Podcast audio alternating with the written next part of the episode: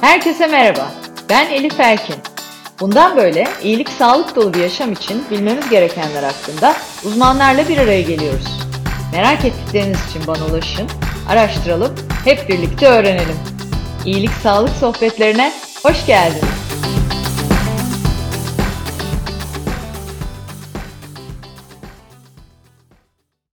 İyilik Sağlık Sohbetlerinin yeni bölümüyle karşınızdayım.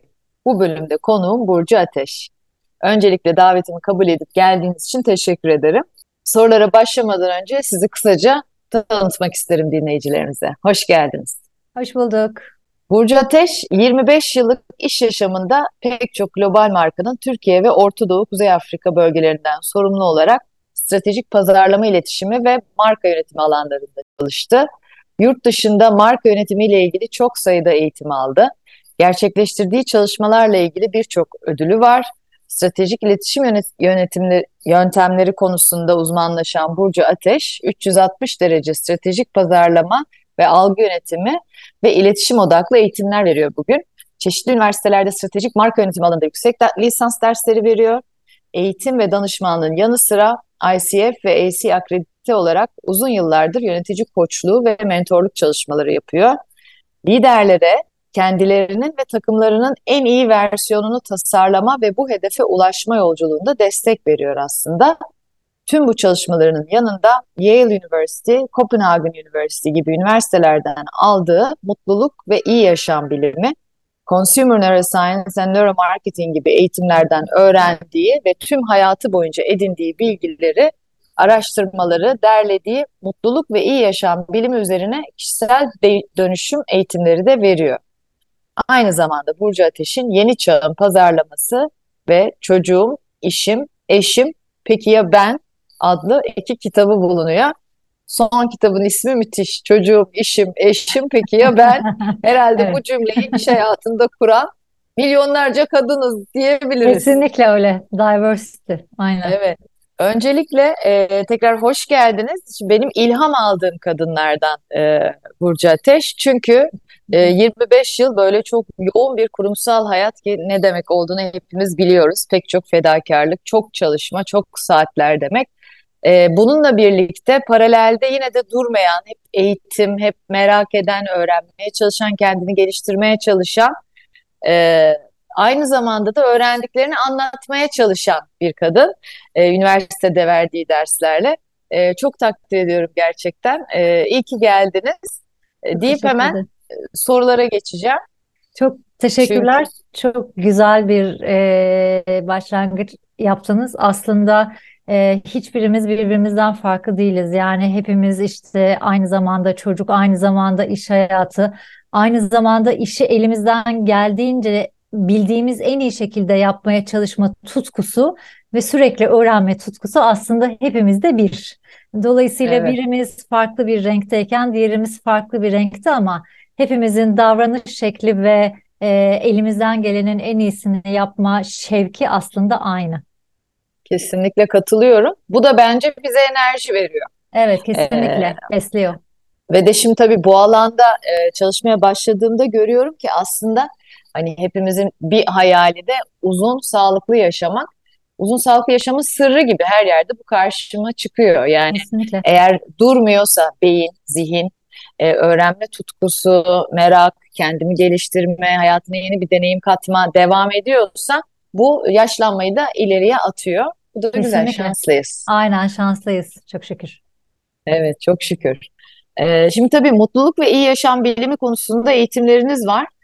Ee, hani belki bundan bir 10-15 yıl önce söylense mutluluk bilimi, iyi yaşam bilimi hepimize biraz e, havada, biraz soft. Yine bu Amerikalılar konu bulamamış, yeni bir trend yaratıyorlar evet. e, gibi gelirken siz bunun okulunu Yale'da okudunuz. Yani evet. Gerçekten bunun e, bilimi olur mu diye eminim soran çok olmuştur. Tabii ki ben de soracağım. E, mutluluk ve iyi yaşamın bilimsel anlamda tanımı nedir? E, birazcık sizden onu dinleyelim. Peki, memnuniyetle. Şimdi aslında hepimizin mutlu olmak istediği bir gerçek. Yani bu dünyada işte e, pazarlama background'umla da söylüyorum. E, bu dünyada en çok neyi istersiniz e, diye bütün tüketicilere sorulduğunda tüketicilerin genel verdiği yanıt mutluluk. Dolayısıyla overall'da aslında hepimiz bir e, mutlu olmak istiyoruz diyoruz ve onun da peşinden koşuyoruz. E, bununla beraber de mutluluğu birçoğumuz aslında haz ya da zevk veren deneyimlerden dolayı yaşadığımız his olarak tanımlıyoruz ama bu aslında gerçek bir şey değil. Dolayısıyla bundan çok daha fazlası. E, mesela insanlar büyük bir kazanç ya da hazın mutluluğa katkısı olacağını düşünüyorlar. Oysa bir takım araştırmalar yapılıyor ve bunlar gösteriyor ki e, büyük bir haz ya da başarılara çok çabuk alışıyoruz. Buna biz hedonik adaptasyon diyoruz. Biraz sonra e, ayrıntısıyla anlatabilirim isterseniz. Sanki bir zirveye çıkıyoruz ama ondan sonra da pat diye iniyoruz değil mi? Hedefe ulaşınca, Kesinlikle. yapmak istediğimizi elde edince. Kesinlikle çünkü bunu normalleştiriyoruz. Yani bizim için o tüketilen bir hedef haline geliyor ve bunu normalleştiriyoruz. Dolayısıyla mutluluğun gerçek tanımına baktığımızda ister zen ustasın çerçevesinden bakın, ister bir psikolog ya da ister bir sinir bilimci üzerinden bakın fark etmez. Bütün bunların açıklamalarında aslında mutluluk çok daha geniş bir perspektiften e, tanımlanıyor. Mutluluk tek bir kaynaktan değil, aslında pek çok kaynaktan doğan bir şey. Mesela olumlu duyguların farkına varmak, bunları pekiştirecek bir takım çalışmalar yapmak, efendim e, hayatta anlam içeren bir takım faaliyetler yaratmak, tıpkı sizin söylediğiniz gibi yani yaşlanmayı da erteleyici bir takım faaliyetler yaratmak. Sevdiğin bir şey yaparsan zaten aslında o işi yaptığını düşünmezsin.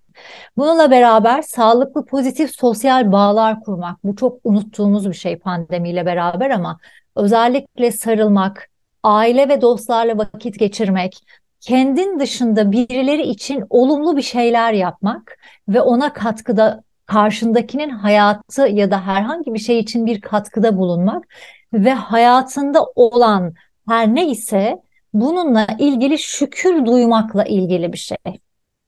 Evet, evet. Dolayısıyla bizim tavır ve davranışlarımızda olan bir hal bu. Yani mutluluk işte e, sizin de söylediğiniz gibi aslında e, başlangıçta işte bu mutluluk Amerikalıların e, yine tanımladığı bir şey falan derken e, gerçekten de öyle gibi algılanıyor, algılanabilir. Fakat aslında mutluluk kovalanacak bir şey değil. Şefkat duydukça, paylaştıkça, verdikçe, anda olanların farkında vardıkça olan bir hal bu ve üstelik eski dönemlerde ve şu anda da hala bazı yerlerde Anadolu'da oldukça baki olan bir kültürden bahsediyorum. Zaten hali hazırda bizim anneannelerimiz, babaannelerimiz, zaten dedelerimizin e, bu söylediğimden çok da farklı bir şey yapmadığını biliyoruz. Annelerimiz bile çilek reçeli karıştırırken evde bir komşusu gelir kahve içer e, ve onunla beraber hoşbeş ederlermiş. Dolayısıyla aslında mutluluk çok da zor bir şey değil. Bu bir hal. Evet, evet çok güzel tanımladınız. Ee, tam tersini yaşıyoruz ya da bekliyoruz bazen.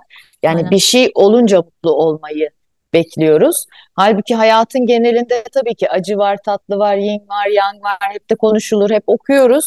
Ee, bazen tabii okuduklarımızı uygulamak çok kolay olmuyor. Halbuki bütünsel olarak bakmak, işte o kültürdeki şükür, her işte bir hayır vardır. Aynen. Ee, hani kültürümüzde pek çok e, söz var aslında içimize işlemiş anneannelerimizden ta- taşıdığımız mutlu olmamıza gerçekten çok yardımcı olabilecek. E, öze de dönmek lazım. E, bir de çok kilit e, bir kelime söylüyorsunuz. Yani farkında olmak. Evet. E, onu içselleştirmek, onu yaşadığının farkında olmak, ona şükretmek e, ve de mutlu olmaya çalışarak yani aslında hedefi mutlu olmak ve iyi tarafından bakmak olarak koyduğunuzda muhtemelen hayat daha kolaylaşıyor. Kesinlikle ve Ee, daha güzelleşiyor. evet ben de onu yaşıyorum. Mesela özellikle çocuklarımla da e, hani bir şey canlarını sıktığında, bir şey üzüldüklerinde, ters bir şey olduğunda herhangi basit bir şey de olabilir bu. E peki bunu hani bir de iyi tarafından bakalım la başladığınız zaman onlar da öyle düşünmeye e, alışıyor. Hani bu hoşuma gidiyor benim de. Yani evet kötü oldu işte uyduruyorum uçağı kaçırdık ama e, ne güzel burada da işte şöyle bir şey yaptık gibi. Bakmak aynen. Evet, Kesinlikle nereden açısı. baktığınıza çok bağlı. Evet. Şimdi tabii bireyler olarak bu, bunun peşinde koşmamız ve hani bunun belki farkında olup bir durup e, onu de, deneyimlememiz önemli. Bir de tabii işin kurumsal boyutu var. Hani ben böyle tek bir cümlede 25 yıl dedim. E, o bile büyük bir cümle oldu ama e, sizin tabii çok ciddi deneyimleriniz var. Hani belki birazcık onlardan bahsederseniz e, hani bugünlere nasıl geldiniz ve ne, nasıl bir e, süreçten geçti. Bununla birlikte kurumsal hayatta artık Chief Happiness Officer diye bir e, pozisyon duyuyoruz. Yani uzunca da bir zamandır belki de 10 yıldır da neredeyse Evet. duyduğumuz bir pozisyon. E, bu pozisyon gerçek bir pozisyon mu? E, ve gerçekten Chief Happiness, Officer'lar ne yapmaya çalışıyor aslında? İşi bütünsel olarak nasıl mutlu bir şekilde yönetir insanlara mı çalışıyor? Neye hizmet ediyor? E, Türkiye'de var mı e, uygulamalar? Siz nasıl değerlendiriyorsunuz? E, onu sormak isterim. Çok mersi. Ee, şimdi şöyle, e, öncelikle biraz kendimden bahsedeyim. Kurumsal hayatta e, neler yaptım, onlardan biraz bahsedeyim. Aslında sizin de söylediğiniz gibi 25 yıldır işte farklı global markalarda işte e, Volvo gibi, Temsa gibi, Nissan gibi, sonra Philips'e geçtim. Philips'te departman kurdum. E, sonrasında BASF'de 34 ülkeden sorumlu bir pozisyonda, hub'dan sorumlu. Hep pazarlama ile ilgili çalıştım. E, 20-25 sene kadar. Sonrasında 2017 senesinin başında dedim ki bu kadar kurumsal hayat yeter artık. E, Türkiye'ye dönmek istiyorum e, ve Türkiye'de aslında yine aynı işi ama masanın diğer tarafında yapmak istiyorum dedim. E, ve farklı farklı e, kendi şirketimi kurdum ve farklı farklı markalarla özellikle Alman markalarıyla e, yoğun pazarlamayla ilgili, iletişimle ilgili, yönetimle ilgili ve aynı zamanda well-being ile ilgili de bir takım eğitimler vermeye başladım. Bunları yaparken danışmanlığa da tabii ki e, başlamış oldum. Koçluk ve danışmanlığa. E, tabii bizim gibi kadınlar aslında e, işini iyi yapmaya çalıştığımız için biz danışmanlık diye başlayıp sonrasında aslında uzun Operasyon. yıllar aynı markada kalıp sonrasında ya hocam bizle beraber çalışabilir misiniz dedikleri için aslında operasyonun başına geçtim. Şu anda bir yerde de CEO olarak icra kurulu başkanı şeklinde çalışıyorum. Ee, yönetim kurulunda çalıştığım yani danışmanlık verdiğim yerlerde yönetim kurullarında da çalışıyorum. Ee, dolayısıyla aslında e, Türkiye'deki yapılanmaya baktığınızda hem kurumun içinden hem de dışından bilgi sahibiyim öyle söyleyebilirim size. Ee, sizin sorduğunuz gibi aslında bu e, Chief Happiness Officer e, Türkiye'de var mı? Çok sınırlı sayıda e, var.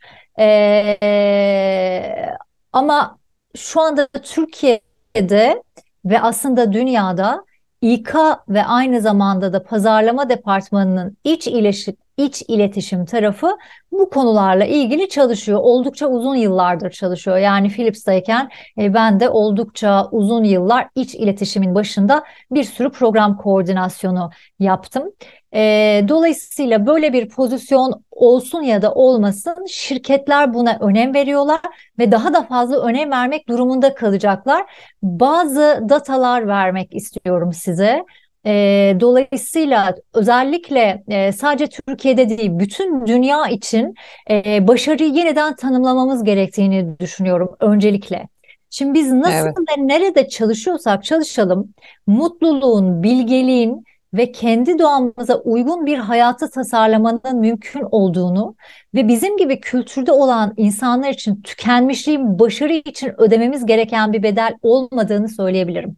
Biz hep diyoruz ki varlığın varlığına armağan olsun iş yaşamı için. Ama hayatta en önemli şeylerden bir tanesi denge. Dolayısıyla nasıl ve nerede çalışıyorsak çalışalım, mutluluğun e, ve bilgeliğin aslında e, bizim iş yaşamı alışkanlıklarımıza da bağlı olduğunu ve dengeyi bulmamız gerektiğini e, söylemeliyim. Çünkü mesela biraz daha fazla uyuduğumuz zaman ee, bir arkadaşım var, ee, çok uzun yıllar kurumsal hayatta oldu. Sonrasında kendi işini kurdu.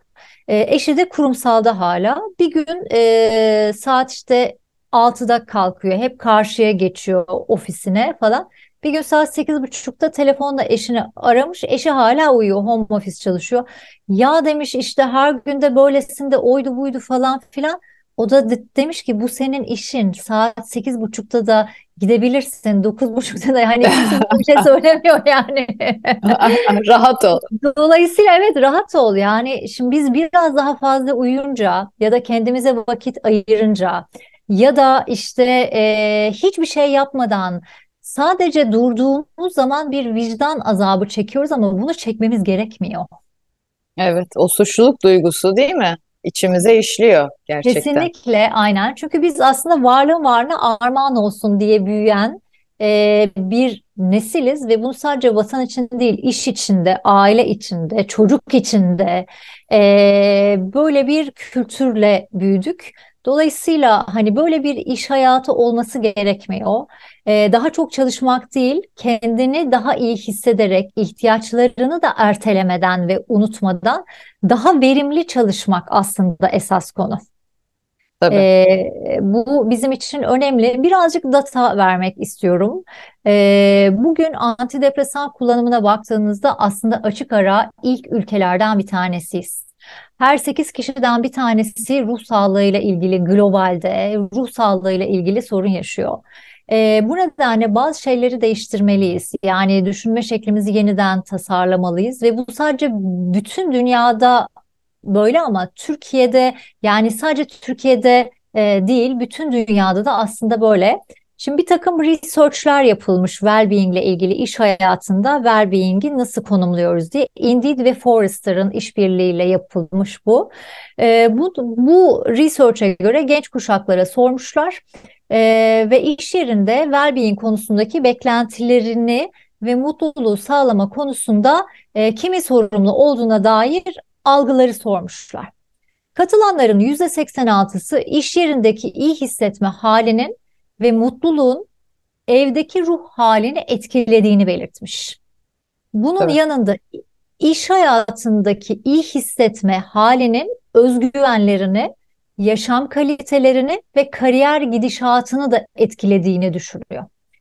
Bununla beraber insanların %90'ı iş yerinde nasıl hissettiklerinin önemli olduğunu düşünüyor. Ayrıca araştırmaya katılanların neredeyse hepsi yani %96'sı çoğu zaman işte mutlu olmanın mümkün olduğunu ancak geçen yılla karşılaştırdığında iş yerinde daha az mutlu olduğunu söyleyen insanlar var. Dolayısıyla sorunuza gelecek olursam mutluluktan sorumlu başkan ünvanıyla çıkan bu e, konum e, görevi aslında yetenekli beyaz yakaların e, mutlu olmalarını sağlamak, motivasyonlarını yüksek tutmak, potansiyellerini ortaya çıkarmak ve kuruma katkı sağlamak için kurulmuş bir pozisyon. Şu anda çok fazla e, kullanılan bir pozisyon değil. Daha çok İK ve pazarlama söylediğim gibi aynen e, beraber yapıyorlar. E, fakat öyle ya da böyle fark etmez. E, asıl önemli konu şu. Sürdürülebilir bir şekilde e, verimli olan insan kaynağını elde tutabilmek çok zorlaştı. Herkesin Ve, de birinci konusu bu. Kesinlikle. Bütün araştırmalarda bu sene bu konuşuluyor zaten. Kesinlikle böyle. Yıllardır yönetim kurullarında çalışıyorum. Kendi kurumsal hayatımda var. Bu dönem sizin de söylediğiniz gibi hiç olmadığı kadar yetenekli insanı elde tutmanın zor olduğu bir dönem. Dolayısıyla şirketler daha fazla verimlilik ve bağlılık için çalışanlarının iyi hal ve mutluluğuyla ilgili öyle ya da böyle muhakkak ki uygulama yapmak durumundalar. Kesinlikle e, kurumsal esenlikle ilgili e, çok araştırma var gerçekten e, ve hepsinde de hani insan kaynakları departmanının ya da CEO'nun ya da patronun birinci önceliği ne diye sorulduğunda 2023'te herkes çalışanların iyiliği, sağlığı diyor aslında. E, çok güzel bir şey söylediniz. E, bu kadar çalışmanın ve başarının e, bedeli tükenmişlik olmamalı. Şimdi Aynen. tabii jenerasyonel fark da var. Yani bizler e, daha asker, daha e, iş e, mantığıyla bakan e, perspektifle hep bugünlere geldik. Ben ilk şaşkınlığımı şeyde yaşamıştım işte. Önce hayatımıza Y jenerasyonu girdi bir, bize bir e, Wiley'a Wiley'a çarptı. e, pek çok şey öğretti. Sonra Z jenerasyonu bakalım Alfa'da neler göreceğiz. Aynen. Ama e, şeyde çok şaşırmıştım işte mesela şirketin e, vizyonu söyleniyor. E, ve e, işte Türkiye'nin en büyük üç e, firması arasına girmek ya da işte uluslararası pazarlarda şöyle büyümek.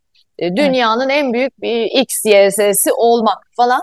Bizi bunlar heyecanlandırıyordu. Evet işte yapacağız, çalışalım, başaralım evet. falan.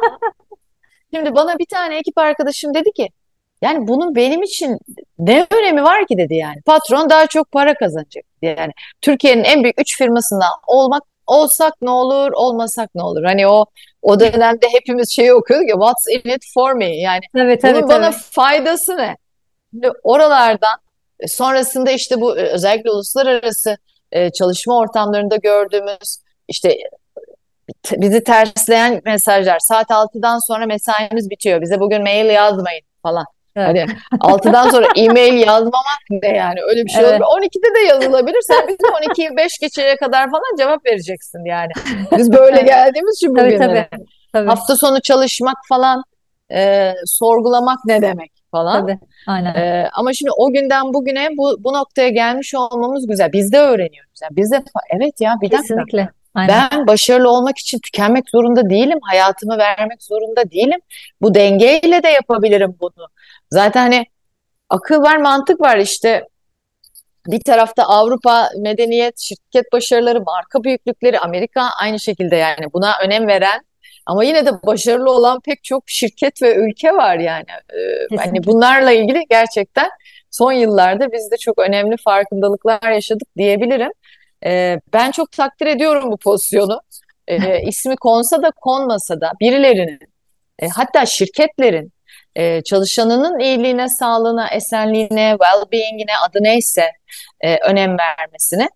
E, bir yandan da tabii bu e, sadece duygusal bir önem verme değil. Bunu da biliyoruz. Yine bütün araştırmalar bunun performansla da doğrudan ilişkili olduğunu Verimlilik, gösteriyor. %100. Verimlilikle, başarıyla e, ve de çok kritik bir kelime daha kullandınız. Sürdürülebilir başarıyla.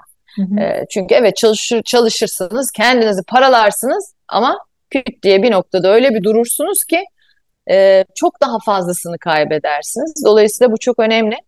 Peki e, az önce yine o belki muhtemelen aynı araştırmayı da okuduk. Hani bundan kim sorumlu diye sorulduğunda da kişiler şirketin de bunda sorumluluğu var. Şirket de benim e, için bir şeyler yapmalı da diyorlar. Kesinlikle. Yine jenerasyon farkı. E, yani bizim aklımıza gelmezler. Benim zihin sağlığımın iyi olması için şirketin bir çaba göstersin canım demek. Yüzde yüz e, böyle söylüyorlar evet aynen. Evet bunu bekliyorlar. Haklılar da. E, çünkü eğer bu iş yaşamı hayatını bozuyor, dengesini bozuyorsa bozmaması için de yine iş yaşamı bir şeyler yapmalı. İşin kurumsal tarafı e, giderek de artıyor. Hani biz de bu anlamda pek çok şey e, yapmaya başladık, hizmet sunmaya başladık ve insanların, şirketlerin ilgilendiğini görmek de sevindirici. Peki bireyler tarafında bizler hem performansımızı arttırmak hem de daha mutlu bir yaşam sürmek için iş hayatını kastediyorum yine. E, neler yapmalıyız, neye dikkat etmeliyiz? E, hani sizin tavsiyeleriniz neler? Bu işin bilimi yine kurum perspektifinden pek çok şey söylüyor ama bireyler olarak da bizim e, hani en başta birazcık bahsettik neler yapmamız lazım özellikle iş hayatında. Hem mutlu olup hem de hani aman boş ver salla değil de yani performansı da arttıracak şekilde mutlu olmak için. Şimdi çok güzel söylediniz. Çünkü gerçekten e, çalışanlar iş yerinde kendi refahlarını ve mutluluklarına önem veren şirketlerde çalışmak istiyorlar. Aynı söylediğiniz gibi. E, o zaman e, yine aynı araştırmadan birkaç datayla daha devam edeyim ben. Ee, yine Indeed ve Forrester'ın yaptığı research'e göre ankete katılanların %67'si İş yerinde refahın bir ayrıcalık değil bir hak olduğunu düşünüyor.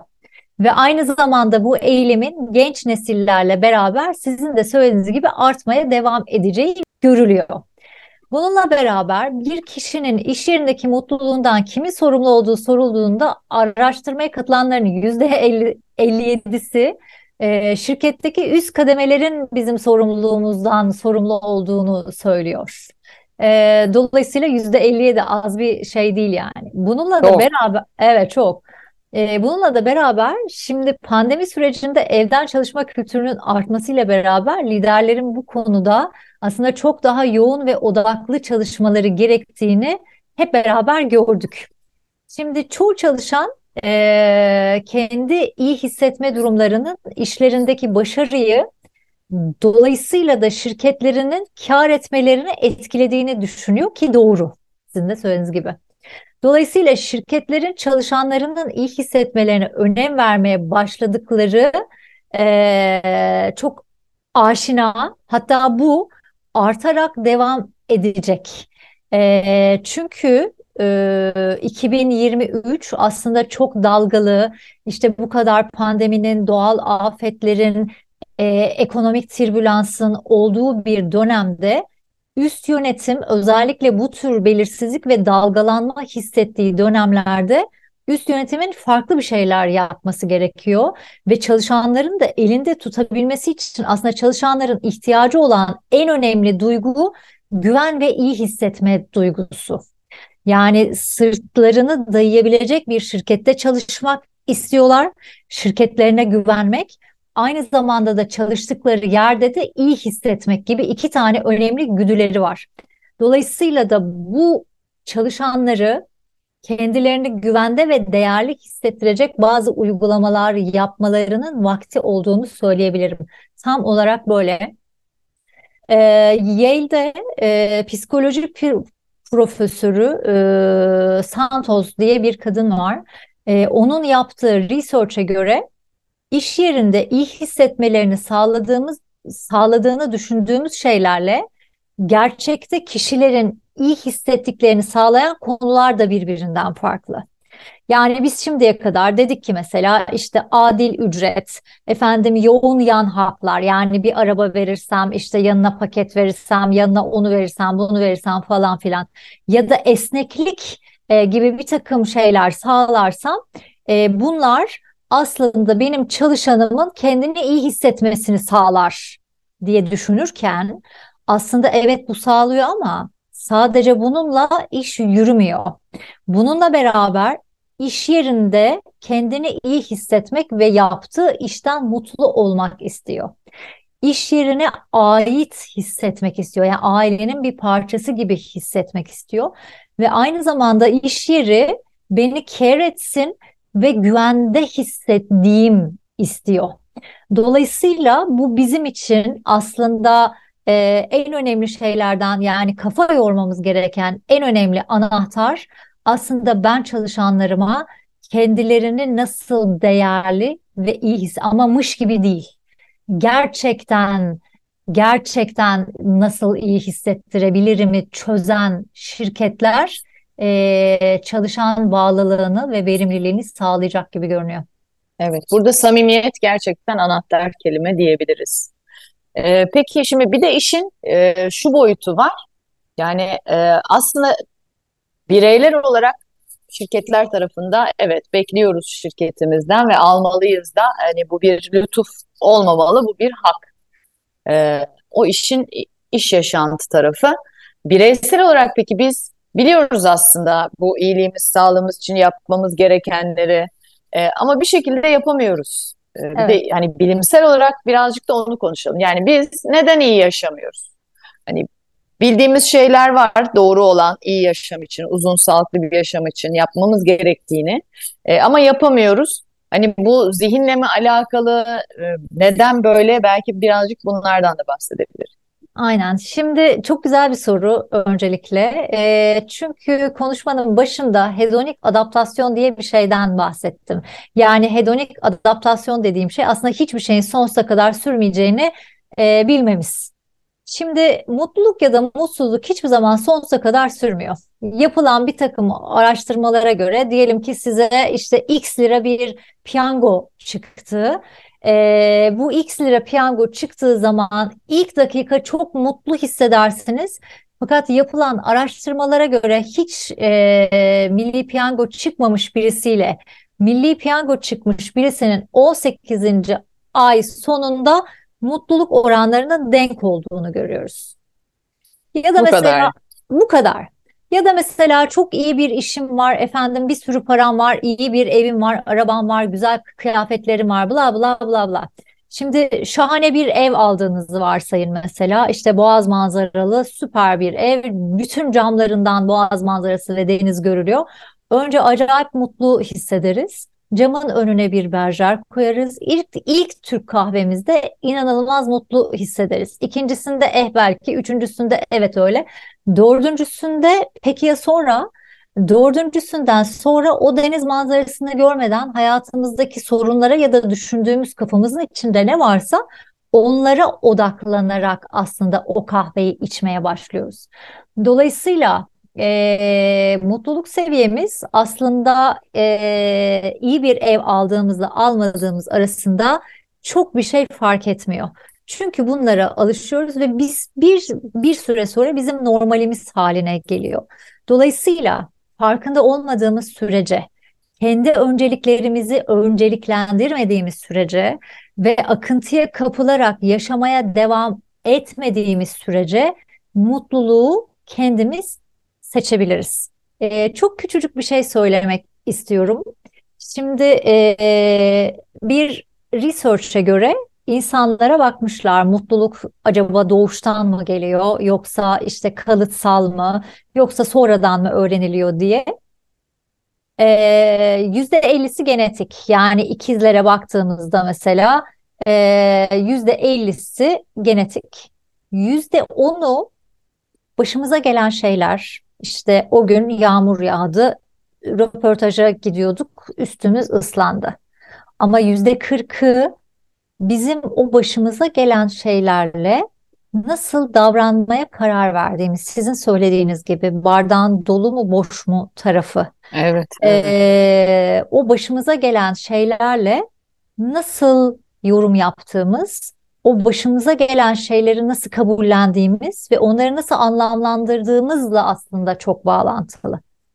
Evet, süper, süper. Ee, bir kere ee, daha önce de sevgili Serdar gelmişti. Serdar Lale bir podcast'te ve o da e, şu cümleyi kurdu. Yani ben buna inanmıyordum ama şu an gördüm ve biliyorum ki mutluluğu kendimiz seçebiliriz. Siz de aynı Aynen. şeyi söylediniz. Kesinlikle. Ben de çok katılıyorum. Formülde e, net zaten hani yüzde elli genetikse yüzde on başımıza gelenler ama yüzde kırk nasıl davranmaya karar verdiğimiz e, bu eminim ki dinleyenler için de hani kenarda köşede mutlaka gözlerine takılmıştır, duymuşlardır, konuşmuşlardır ama bunu inanarak kabul ettiğiniz an hayat bence e, farklılaşıyor. Kesinlikle. Şöyle bir kendimden örnek vereyim yani mutluluğun kaynağı bence bu gerçekten. Nasıl e, baktığınız ve kendinizi nasıl rahatlattığınız.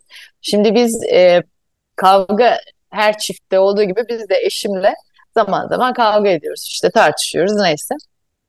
Ondan sonra ve hani böyle bir e, küskünlük e, dönemi diyelim yarım saat bir saat neyse olduğunda ben kendi kendime şöyle demeye başladım yeni evlendiğimizde. Ya şimdi dedim hani bir de böyle hani kavga ettiğinizde eşinizle, dostunuzla, arkadaşınızla neyse yani kavga da büyük kelime de o hani şeyini bulamadınız bir konuda tartıştınız diyelim anlaşamadınız, kırıldınız vesaire. Hı hı.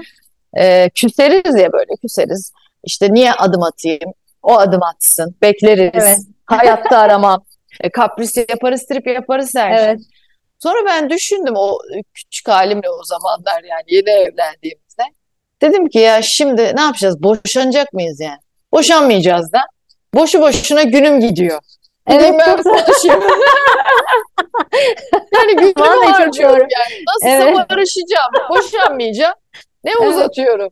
Evet. Şimdi Hani bu sadece bir örnek aslında ama bakış açısı Çok güzel olunca, bir örnek ama. Evet. E, o zaman bir sürü şeyi çözüyorsunuz. Hatta o işi yumuşatıyor da.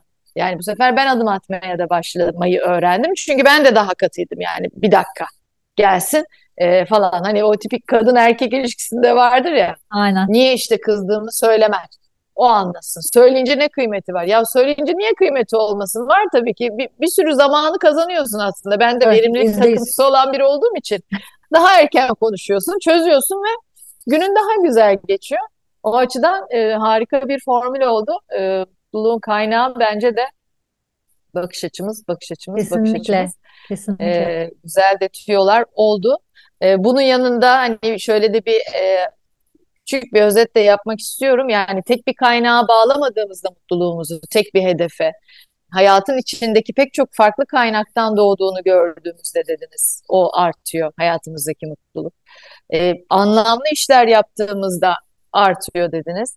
Şükrettiğimizde e, ki artık bunun beyindeki e, etkilerini de biliyoruz şükretmenin ve ben bunun e, gerçekten egzersiz olarak her gün yastığa kafayı koyduğumuzda ya bugün şükredecek üç şey ne diye kendimiz düşünmemiz gerektiğini düşünüyorum. E, çocuklara da bunu çok uygulatmaya çalışıyorum. E, Valla e, çok güzel o anlamda e, tüyolarda almış olduk. E, zaman da akıyor gidiyor. E, o zaman son soruya geldik. Herkese sorduğum soruyu soracağım. E, tabii ki en iyi yaşam danışmanı birine soracak olmak da beni daha da heyecanlandırıyor ama sizin iyilik sağlık rutininiz nedir? Ee, iyi, mutlu, sağlıklı bir yaşam için yaptıklarınız neler? Hemen kağıt kalemi alarak e, buyurunuz. Şimdi e, çok mersi. Benim inandığım bir şey var. E, zaman aslında çoğu şeyden, paradan da bir sürü şeyden çok daha değerli. Dolayısıyla aslında sizin söylediğiniz gibi zamanımı doğru kullanmaya çok önem veriyorum. Yani herhangi birisiyle küs kalacağıma ya bu vakti daha başka değerlendirebilirim dediniz ya işte ben de evet. aynı bakış açısıyla e, zamanımı çok doğru kullanmaya önem veriyorum. Dolayısıyla mesela hayatımda aileme, kendi sevdiğim bir hobime, sağlığıma yani sağlıklı beslenip çok uzun yıllardır 20 yıldan fazla yoga ve nefes yapıyorum. Aynı zamanda yelken.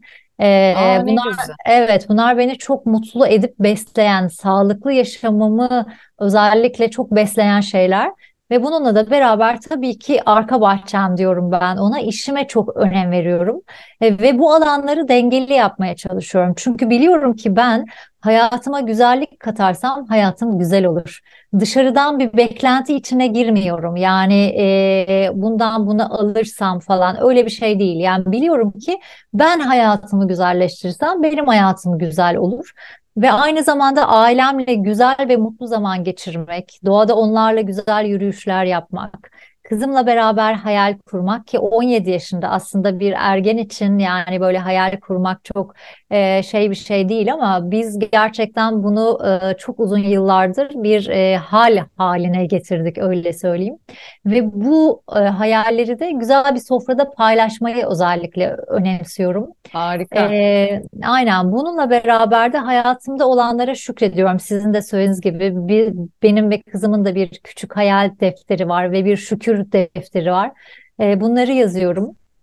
E, bununla beraber çok şükür ki son 7 yılda e, para kazandığım alanı kendim yönetebiliyorum. Yani işimin saatlerini e, ve zamanımı kendim yönetebiliyorum. Merak ettiklerimi öğrendiğim, bunu da işe çevirebildiğim bir iş yapımı oldu çok şükür evet, ki. Müthiş, müthiş. Aynen ve ben aslında çalışıyor gibi hissetmiyorum. E, mutluluk ve iyi yaşamla ilgili de yıllardır işte bir sürü okuyorum, kurslara gidiyorum falan filan.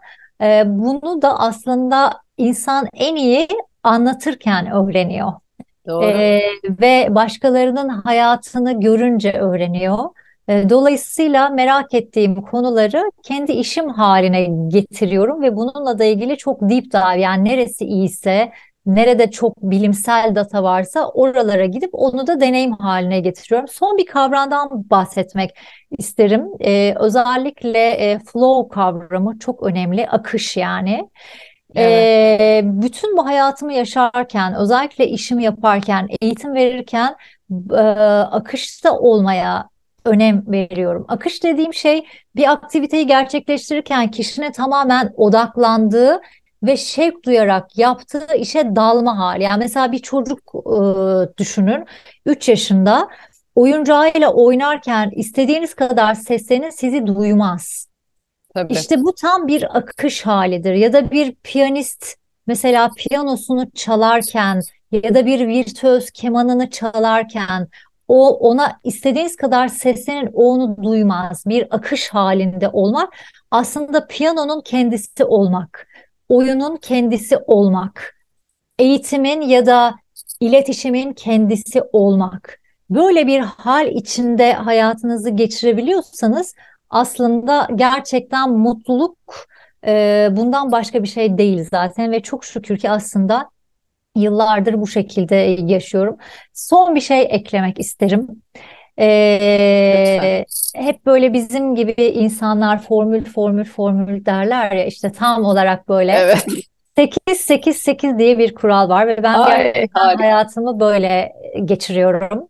Ee, hayatımın 8 saatini özellikle işimle ilgili odaklanarak yani 8 saati geçmiyorum. 8 saatten aşağıda çalış çalışmıyorum ama 8 saat. 8 saat bedenimle ilgili fiziksel konulara odaklanıyorum. Yani ne demek uyku, yemek, duş işte eee, gibi bedenimle çünkü aslında o beden dediğiniz şey sizin bu hayattaki yapmayı isteyeceğiniz şeyler için sizin sizi taşıyan bir tool. Dolayısıyla ona iyi bakmanız gerekiyor. Emek vermemiz lazım. Emek Kesinlikle. vermeniz gerekiyor. Öyle hani sağlık da böyle belli bir yaştan sonra e, kendiliğinden olmuyor. Gerçekten bakmanız gerekiyor bedeninize. E, ve bununla da beraber 8 saatte iyi hissetmek için sevdiğin kişilerle görüşmek, aile bağlarını güçlendirmek. Efendim yelken mesela bana çok iyi geliyor. Denizde tam bir meditasyon. Dolayısıyla hobilerine vakit ayırarak ruhunu besleyebilmek aslında mutluluğun küçücük bir formülü olduğunu söyleyebilirim. 8-8-8. Efsane formül. Hemen yazdım. Ee, öncelikle bir kendimi gözlemleyeceğim bakayım. Ben benim 8, 9, 10 kaç nedir durumum, dağılımım. Ee, ama nefis oldu. Çok teşekkürler. Bir de e, şükretmeyi yapıyoruz. Hayal kurmayı e, ara ara yapıyoruz ama şimdi şükretmeden biliyorum ki bir şey gerçekten e, yapılandırılmış bir şekilde ve sürekli yaptığınız zaman e, daha e, fayda alıyorsunuz. Hayal kurmayla ilgili de bana bugün onu kattınız. Mutlaka hayal defteri alacağım ben de. Kızlarımla, e, oğlumuzla birlikte e, bunu da yazarak devam ettireceğim. Hani bir şey defterimiz vardı hatta şimdi kütüphaneden onu da e, bulup çıkarayım. Bu e, ölmeden önce hani bir bucket list kitabımız var Evet. ölmeden önce yapılacak şeyler ama onu oradaki yine bir yerlerde bıraktık. O dönem hatta e, konuşmak bile üzerinde çok keyifli, eğlenceli bir de e, gerçekten bağ kurmaya yarayan bir şey. Hemen alıyorum. Bu, bu, bu son bir şey daha ekleyeyim. Böyle konuştukça tabii şey. E, fakat mesela eğitimlerde e, işte böyle CEO'lar, liderler falan e, çok fazla hayal kurmayı atlıyoruz biz. Şirketlerimiz için gelecek 5 yıl planları var. İşte farklı e, stratejiler için 1 yıllık, 3 yıllık, 5 yıllık planlar var. Fakat kendimizle ilgili ne istiyoruz diye dönüp bakmıyoruz. Oysa ki beyin hayal kurdukça aslında e, o işi gerçek gibi algılıyor ve resmediyor. Dolayısıyla nereye gideceğini bilmeyen e, kişinin aslında ne tarafa gitmesinin pek bir önemi yoktur der Alice. E, Doğru dolayısıyla der. kendi kişisel hayatımızla da ilgili hayallerimiz aslında gideceğimiz yolu belirliyor. Çok katılıyorum ve e, hayallerimi e, arttırmaya ve de yazmaya karar aldım. Harika bir sohbet oldu. İyi Çok ki teşekkür ederim. geldiniz. E, en bir olun. yüz yüze de buluşmayı çok e, istiyorum. E, Memnuniyetle çok çok memnun olurum. görüşmek Sağ üzere. Görüşmek üzere. Sağ olun.